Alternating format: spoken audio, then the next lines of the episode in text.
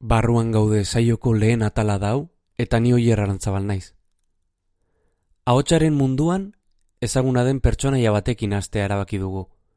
Bikoiztailea da bera, eta aktorea, eta txikitako marrazki bizidun askotako pertsonaiek bere ahotsetik itzegin izan dute. Felix Arkarazoren Bilboko etxera sartuko gara. Bai, e, gehien bat, e, ja, irurogei urte hartu ditut, e, indala lau bos bat hilabete, eta, ba bai, vegeta naiz. Barruan gaude.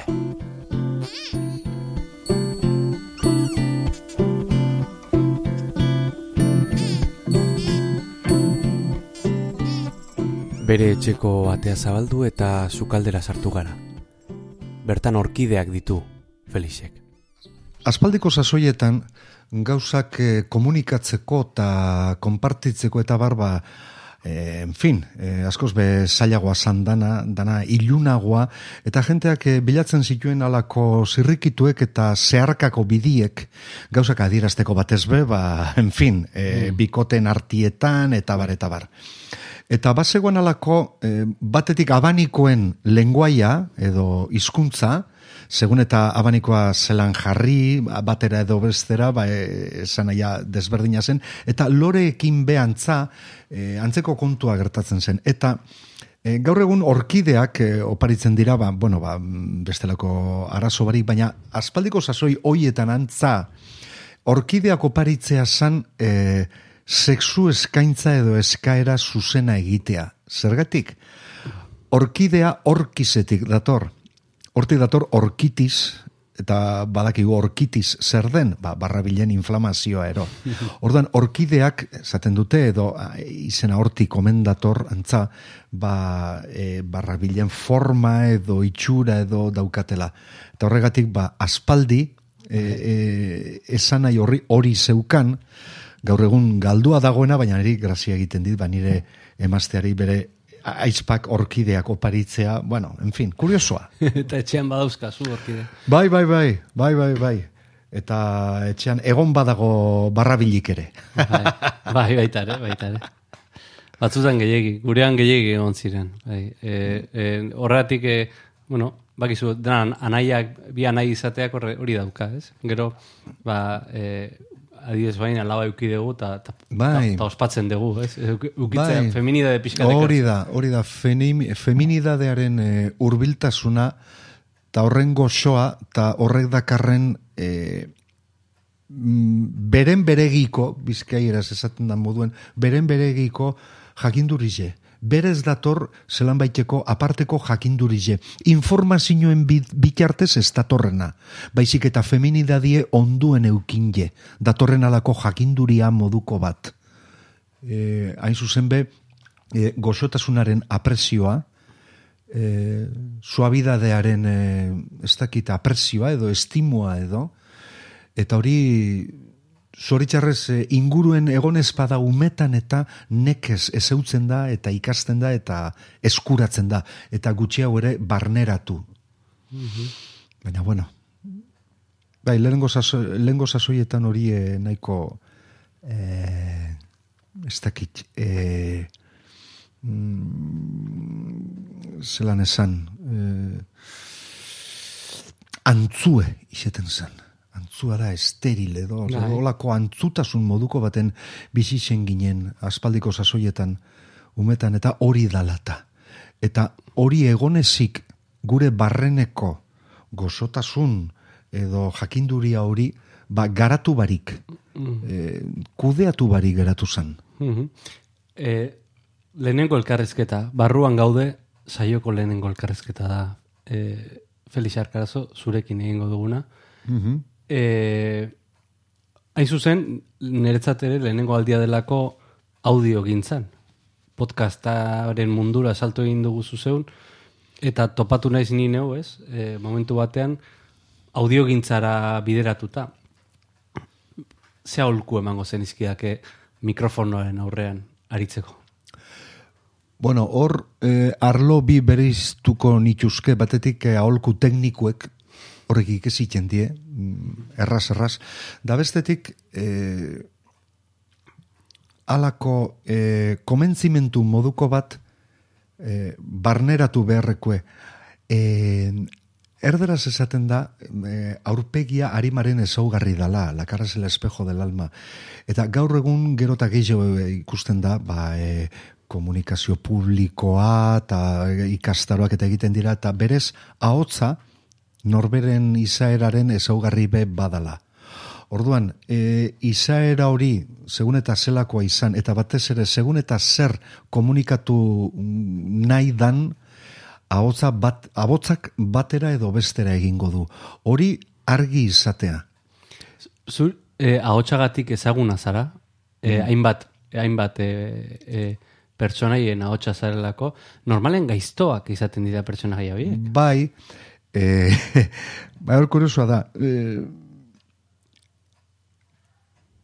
Ezaugarri hori pizkat sortu zen aspaldi baten ikusi zutelako e, bai e, bikoizketa etxeetan eta nik karakterizatzeko gaitasunen eukela e, zelan esan, ba, ez dakit nik abotz normalien balako goxotasun moduko bape adiraz nezake, baina bestetik ere egin nezake alako karakterizazio mota desberdin asko. Eta orduan, ba, zientifiko ero edo soro gaizkile eta alako e, bitxikeria bai. guztien aurrien, ba, Eh, zelan baiteko erantzune emoteko gaitasune baneukenez, ba, pizkat horretara e, bideratu ninuten, eta ba, ba, bueno, ba, horretan geratu naz, bai. Gertatu zaizu e, zeure ahotzagatik ezagutu izana? Bai, hainbat aldiken, eta hor esan bierra daukat, batetik nire ahotza ba, vegetaren ahotza da, dragoi bolan, eta aspaldi baten ja, ezin arrituago, e, geratu nintzela, e, dragoi bolak isen dauen jarraipenagaz, Osa, ikaragarri da, hazi hogei urtetik berro gehi urterainoko zenba jende etorri jatan, ez goen kaleko kontuen gatik, ez ez ez, ez ez, zu vegeta zara, eta holako, ez tekit alako mirez menera bateko bategaz, etorri jata ba vegetan azelako, edo vegetaren abotza eine balako. Dalako baten GR11, GR amaika, e, transpiren eike iki akordau jatan, bai. da orde guruen errefugio batera eldute jota, guztiz jota gabeko amarretan tokirik ez, da errefugiora heldu, tango taberna sume baten, ba, ez da ekipan, e, zer hartuko nebanik, akuarius edo lako mate errekuperetako, gabaz, da nahi xiltasunien, ze mendizen ba gentie goiz erretiretan da, mhm da kamareroaz berbetan nahuela, baina oin nabilen moduen, alako baten goiko e, pixuetan, pasiluetan alako hankaotz bizkorra entzuten da, da hainek eta baten jatorta bat, eta e, zer ezatozta, eta tu eres vegeta! Osa, increíble, nik ezin jot zinestu, ganera batzuk badekie alako, eh, dabe, edo memoria visual, edo gaitasun hori ez, eh, begiz eh, edo zer jotzeko eta egoki jotzeko, beste batzuk belarriz, baina sekulen aban pentsauko horren bestera inoko isengo zanik.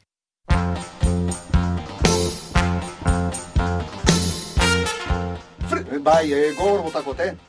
Freezer da nire arrazoia, txori buru ganora gabe honen burut... Eta bat. Vale, vale. Ez dago zain azerre, eh? Eh? Zer zaude, baina orain dek eza inbesti. Bai. Eh? Erdi... Eso beste behin ikusi, zerbatu? Ez, grabatu.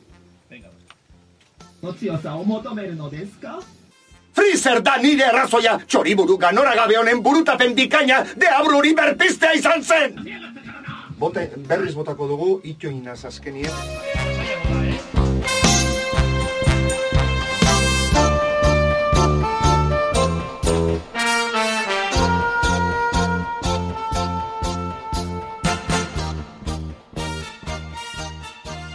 Hori, e, neri gertatu zait.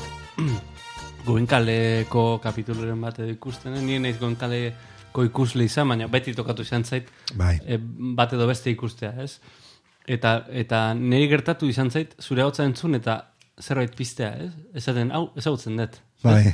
ez dakit nondik baina ezagutzen dut, eta efectivamente vegeta gandik, zen ere belaun aldia da. Bai. Ni, gu dragoibola, guretzako dragoibola izan zen, eta askotan aipatu izan dut, eh? baina... Bai eta anekdota bat dago ni asko gustatzen zaidana eta da nola e, udalekutara joaten ginen elkartzen ginen Euskal Herri osoko jendearekin zangotzatik araba bizkaia eta danok jokatzen genuen dragoi bolara Ah. Dragoi bola zen gure jokua, ez? Eta, Kamehame eta horre da. eta, eta zeuen, eta zeuen eh, esaldiak errepikatzen genituen. Bai, bai, eta, bai. eta horrek ze garrantzi aukizuen gure eziketan, Euskaraz. Hori da, hori da beste, ai, ontxe jo duzu, mm, bikoizketa dala eta ez dala eta ikusentzunezko e, produktuak, euskarazko e, produktuak kontsumitzeko ohitura edo zelan baiteko oinarria, ba, besteak beste, e, dragoi bolak, e, dragoi bola lagungarri izan zen horretan, ez hainbat jenterentzat,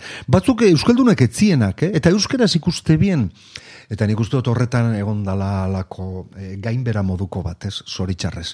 Gero ganera sortu izan dira, ba, Klan, Disney Channel eta olakoak. Eta hor nik uste dut badagoela, batez be politikarin aldetik, e, ez dakit, e, onartu beharra, aspaldi baten onartu zan, asileran onartu zan moduen, bikoizketa, eta beste hainbat herrialdetan onartu izan den moduan, e, bikoizketa ezinbestekoa dela batez be euskararen e, egoera ikusirik diglosia gorrian eta bar, Bai. ba, e, ezinbesteko tresna dela alako ez dakit berreskuratze edo indartze bidean. Mm bikoiztaileak greban eh, jarri ziren, Bai. eh, bueno, elkartea, eh, Euskal Bikoiztailean elkarte greban jarri zen. Nola bizi izan duzuzuk eh, hori? Bai, bueno, hor e, alako zatiketa moduko bat e, zuertatu zan, ze, e, bueno, e, gainbera honetan ba, beste olako, mm, ez dakit, e, torloiu bueltatxo bat egon zen, eta batzuk erabaki zuten ja nahikoa zela eta grebara jo zuten, beste batzuk ez, hor zatiketa egon zen, gure herrialde maite honetan hainbat eta hainbat eh, alditan gertatu izan den bezala, zatiketarako joera nabarmena daukagu eta ganera zatiketa beti ere ba, gordinkeriekin eta azarraldiarekin eta leporatzea, urpegiratzea, akusazioekin eta bar, eta bar. Eta horretan, ba, tristea da, baina bai alako zatiketa moduko bat da, oin egia da, arrazoiak badaudela, ba, bikoizketaren aurrean pizkat, ba, ez dakit e, e, aldarrikatzeko, aldarrikatzeko mesedez, jaun Andreok, nora goaz. Egin kontu, Bai. Eskandinaviako herrialdeetan, hainbat arlotan eredu jarri izan digutenak, e, sozialaldetik, kulturaldetik eta bar, aspaldi hasi ziren bikoizketa bultzatzen. Ikusirik, berrogei urtetik beherako jenderi gehienak, ja ingles, ingles utxez egiten zutela. Ez zuten ez norvegiarrez, ez suediarrez, ez finlandiarrez egiten. Eta hori, ber, ez dakit, nol, horri nolabait buelta egin alizateko bikoizketa bultzatzen ari, hasi ziren euskeraren egoera ikusirik, eta gero beste kontu bat dago, eta parkatu hemen luzatzen banaiz, baina, Hori klaro, nahiko hurbileko Bai. zera da. E, bikoizketa i, inglesaren ganako um, urbilketarako ostopo moduan ikusten da, ezta? Beti Bai. jartzen da Portugalen eredua, da portugesak e, inglesez o, ondo egiten dute bikoizketarik ez dutelako. Kontuz, kontuz horrekin. Ze, hori horrela balitz besterik gabe, e, e, bikoizketa dagoen tokietan e, inglesaren ez dakit e, dominioa edo erabilera e, nahiko urria edo pobre izango litzateke eta ez da horrela Frantzian, Alemanian, Italian e, bikoizketa dago betidanik eta inglesa ba nahiko Portugaldarrek inglesez egiten badute ez da bikoizketa ez dutelako, baizik eta euren eziketan inglesa ume umetatik gogor eta gogorrago jartzen die, dietelako. Mhm. Gai interesantea da, are gehiago gure egoera, ez? Zuk azin bai. gure Nik, egoera. e, enai sartuko parkatu, Bai, eh, bai, mozteagatik, bai, baina hau e, e, bikoizketaren beti e, alako remora modukoa izan da, ez? Mhm. Batetik e, traizioa da, iruzurra da, jatorrizko bertsioari, Bai. e, bestetik frankismoaren asmakizuna da, frankismoak bultzatutakoa da, Mhm. e, industria e, mafia baten e, e, iturra da, eta holako e, hainbat gauza leporatzen zaio bikoizketarei. Eta, bueno, ba, nik mm, ez dut esango, ba, bai, egia da, e, ez da berdina bikoizketa edo jatorrizko bertsioa, ahal bada, eta hor dago kontua, ahal bada jarraitu ahal izan ezkero. Baina Akira Kurosawaren pelikula bat japonesez, zer egingo duzu? Japonesez besterik gabe entzun, ezin duzu. Beste gauza bat esaten da, bueno, ba, aspidatzi, eta aspidazketaren alde agertzen dira hainbat eta hainbat, eta batzuk esaten dute hori dala erabateko irten bidea. Bentajak baino ez dituela. Eta nik, nik azpimarratuko nuke, azpidazketak ere badituela bere akatsak edo e, gabeziak hain zuzen ere. Irakurtzen basabiltza, Bai. ez zaude pelikularen e, pelikulari zo, batetik, bestetik. Irakurtzen hainbat eta hainbat gauza gal, galdu egiten dituzu aktoren espresioak eta bar. Bestetik, personajeak bizkor hitz egiten badute, Bai. hor moztu egin behar duzu, eta zer kentzen duzu, zer kendu, zer jarri, hor ere badago nolabaiteko iruzurra. Bueno, honek luze joko luke. Bai, bai. Azken baten, vegeta zara. Hori da, Bai. hori da e, e, e, ondorioa, ez? Bai, e, gehien bat, e, ja, irurogei urte hartu ditut, e, oindala mm, lau bos bat hilabete, eta, ba bai, vegeta naiz. Oraindik ere, eh? Bai, Orain bai, bai. pelikul, pelikula bat e, atera bai, da, ez? luze metraia atera Luze- izan da, eta horri buruz, bain bat, e, ez dakit, e, elkarrizketa, edabideetan, eta egin behar izan ditut, ze. Baina, bueno, eta alde batetik gustora, gustora ikusirik e, zelako eragina izan zuen bere garaian, eta ik, suposatuz eragin hori nire e, egotik aparte, Bai. euskeraren eta lehen aipatu izan dugun euskeraren inguruko ikusentzunezko munduaren alde izan zela. Pe, pertsonaia gaiztoak, e, izan, dizkiz, izan dizut lehen, ez? E, e, goenkalen ertzein buru Bai. jarri zizuten. E, nola, nola jartzen da bat ertzain buruaren azalean? Hmm.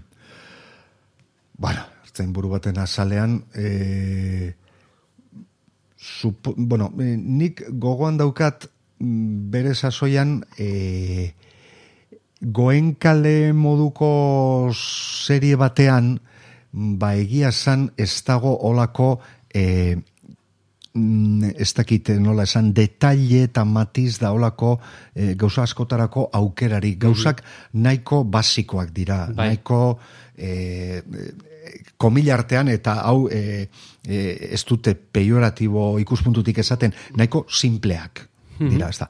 Orduan, ba, suposatzen zan, Andoni Murua, ba, pertsona zintzoa, e, bere zalantzakin, bere amarekiko gora berakin, e, aldi baten, hasieran batez be, hori ere josuten, hain zuzen ere bere sexualitatearen nondik norakoa batera eto, edo besterakoa izango otesenaren zalantzaz eta abar, baina bueno, hortik aparte, ba, bueno, eh, Da polizia izan zaren mo- momentu bakarra Bai. bizitzan, ez? Ez, Ez, ez, egin izan dut, bai. bai, ez, eh, o, lan, olan, eh, ezagunak ez direna, baina, bai, nik ez dakiz zergatik, eh, zuertatu izan zei, behin baino sarriagotan, poliziarena edo eh, egin behar izatearena, bai, eta hori zer da, zure fa, gaizto fa, fazetagatik, ala, ala, ala alderantziz, Bai. alderantziz. Nik uste dut, karo, badakizu, nire aurpegiak, nire fenotipoak, Bai. e, zerbait esaten duela. Nire ahotsak e, gaiztoarena egin dezake. Baina adibidez, nik ez daukat bizkomikorik. Nik ezin dut e, komediarik edo monologo komikorik egin, ze nire aurpegiak ez du hori ematen. Bai. Eta ni lagun artean, hain zuzen ere, horren kontrakoarekin jokatuz, e, lortu dezaket komisitatea. Mhm. Hain zuzen ere, jokatu, claro, seriotasunetik, alako, bapateko e, salida bat eginez, Bai. hori, txoke horrekin lortu dezaket komisitatea. Baina ikuslearentzat berez nire aurpegiak ez du komisitaterako e, biderik ematen, batetik. Et, baina bai ematen du, e, ez dakit, e, hau eh, gaizki dago esatea, baina e, nola baiteko zintzutasunerako. Eta nik uste dut hortik aukeratu nindutela Andoni Muruaren e, pertsonaia egin ahal izateko. Mhm. A ber, zintzotasuna nik ez dut esaten ertzainak zin- zintzoak izan behar dutenik, eta abar, Bai, eta bai, bai. enaiz horretan sartuko. Ez, ez, ez. Baina- Poliziaren eh, ezagarritako, ustezko ezagarritako bat da, zintzotasuna, hori ulertu da, bai. Hori da. Bai, en, zer duzu zure buruak gehiago, e, bikoiztaletzat, ala aktoretzat, ala biak antzeko gauza bat dira. Eske, bikoizketa berez antzespen eh, modu bat da eta ahots egokia edo sinkroniziatatela, oza, e, e, bikoizketak beste arlo guztiak bezala badu teknikoki alako hainbat arlo, ez da? Eta arloietan, ba, trebe edo izan zaitezke, baina azkenean aktorea zara. Eta zure ahotsarekin nolabaiteko sinesgarritasun bat adierazi behar duzu. Eta hori nabaritu egiten da. Zerekin? Eta sentimenduak. Claro, Azerrea, postasuna. hori da. Sentimendu guzti horiek ahotsean, hainbat e, detalle edo inflexio edo entonazio aldaketa txikirekin egiten dira. Gero, bere osotasunean sinesgarritasuna ematen dutenak edo ez. Adibidez, nik eh, gauzak pizkat irakurketa doinu plano batekin esaten baditut, gauza, gauzari gordinena esan arren, ba ez dute zer transmitituko.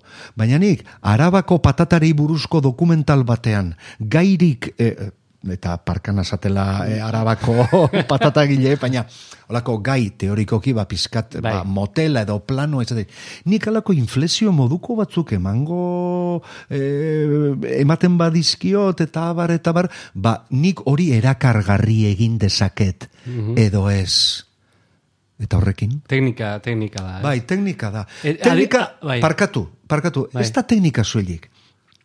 E, nola baiteko, e, ez dakit nola izan. Interpretazioa. Interpretazioa, Bai. baina zuk halako borondatea izan behar duzu, esaten duzuna erakargarri egiteko. Bueno, sorkuntza da, ez, teknika, sorkuntza ez da teknika bakarrik.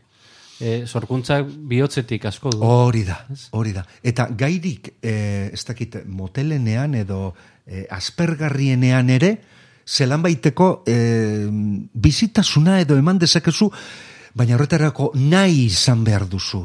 Eta barrutik nahi izan. Adibidez, oroitzen duzu vegetaren personaia nola abordatu zenuen? Alegia, zuk e, ahotsa jarri arte vegetak ez zuen euskeraz hitz egiten. Zuk erabaki zenuen, be, su, suposatzen du talde batekin batera, vegetak nolako tonalidadea ahotsa izan bertzuen. Bai, baina klaro, hor kontuan izan behar da, bikoizketan badaukazula referentzia bat. Aha. jatorrizko bertsioa. Orduan, zuk ezin duzu, horretan egia da, bueno, beste arlo guztietan bezala, badituzu muga batzuk.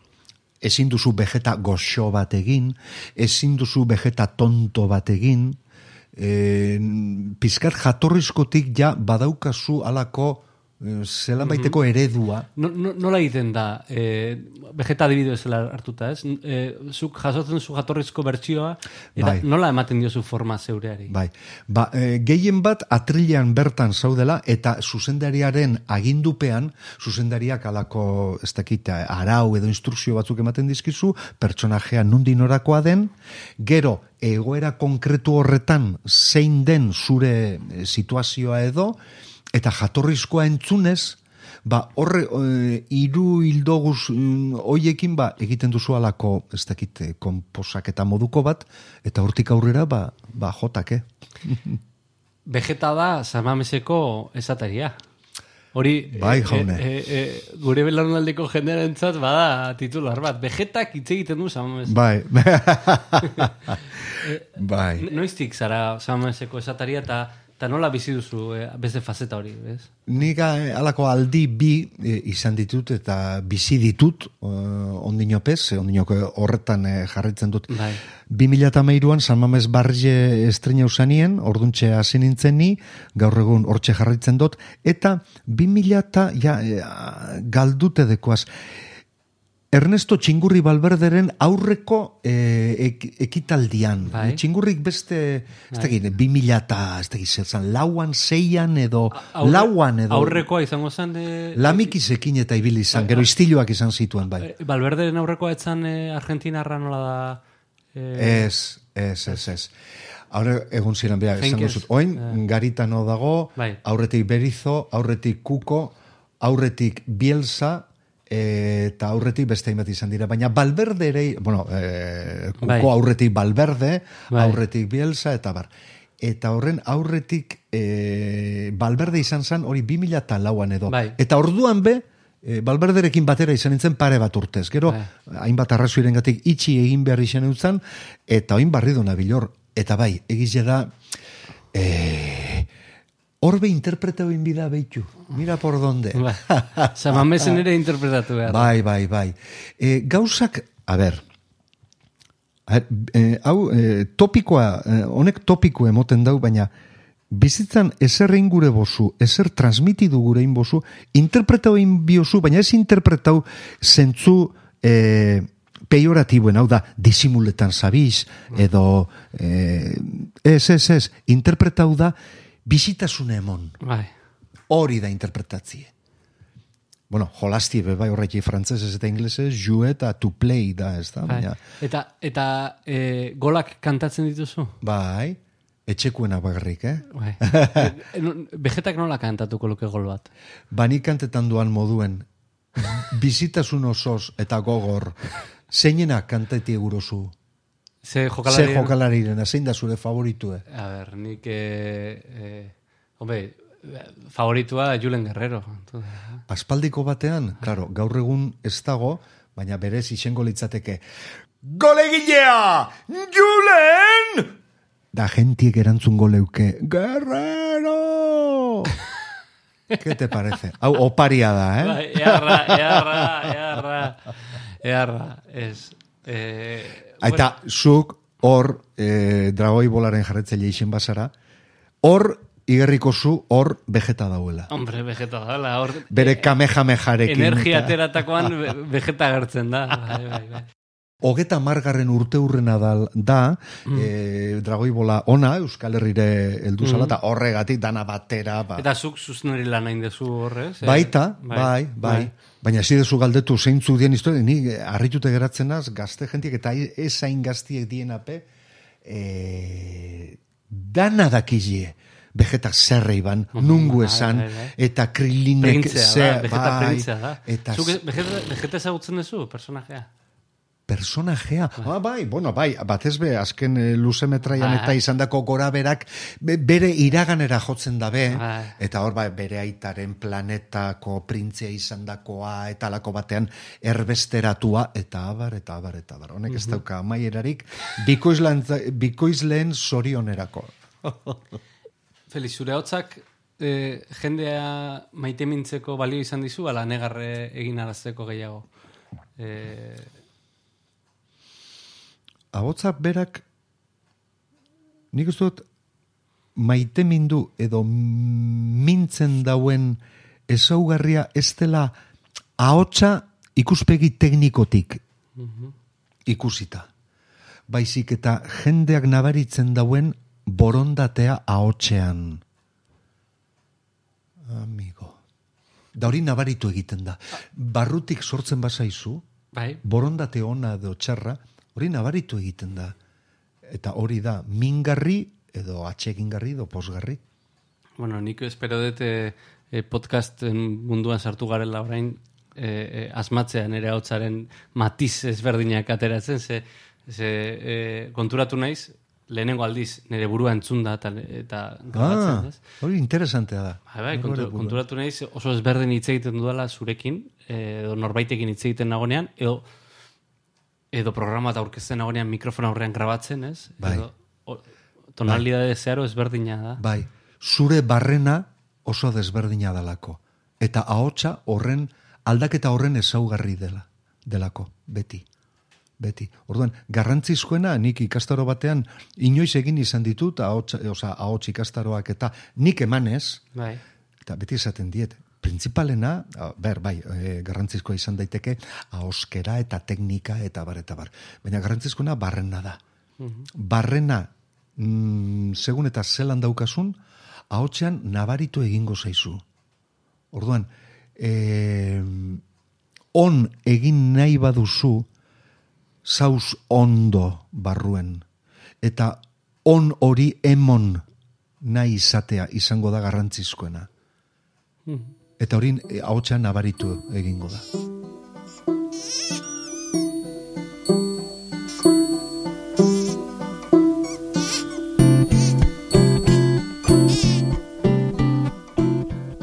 Hauxe izan da guztia entzule, barruan gaude saioa astero-astero zuzeu podcasten. Urrengo astera arte.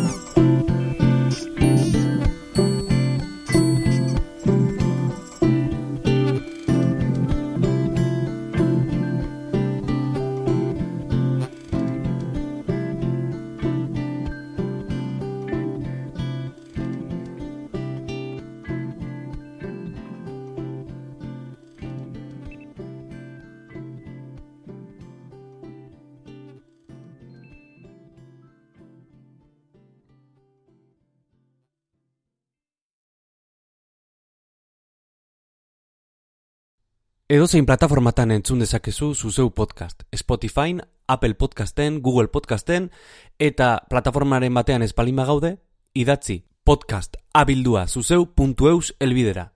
Hori da podcast abildua zuzeu.eus. Eta segidan igoko dugu plataforma horretara ere gure edukia. Eskerrik asko eta hurrengora arte.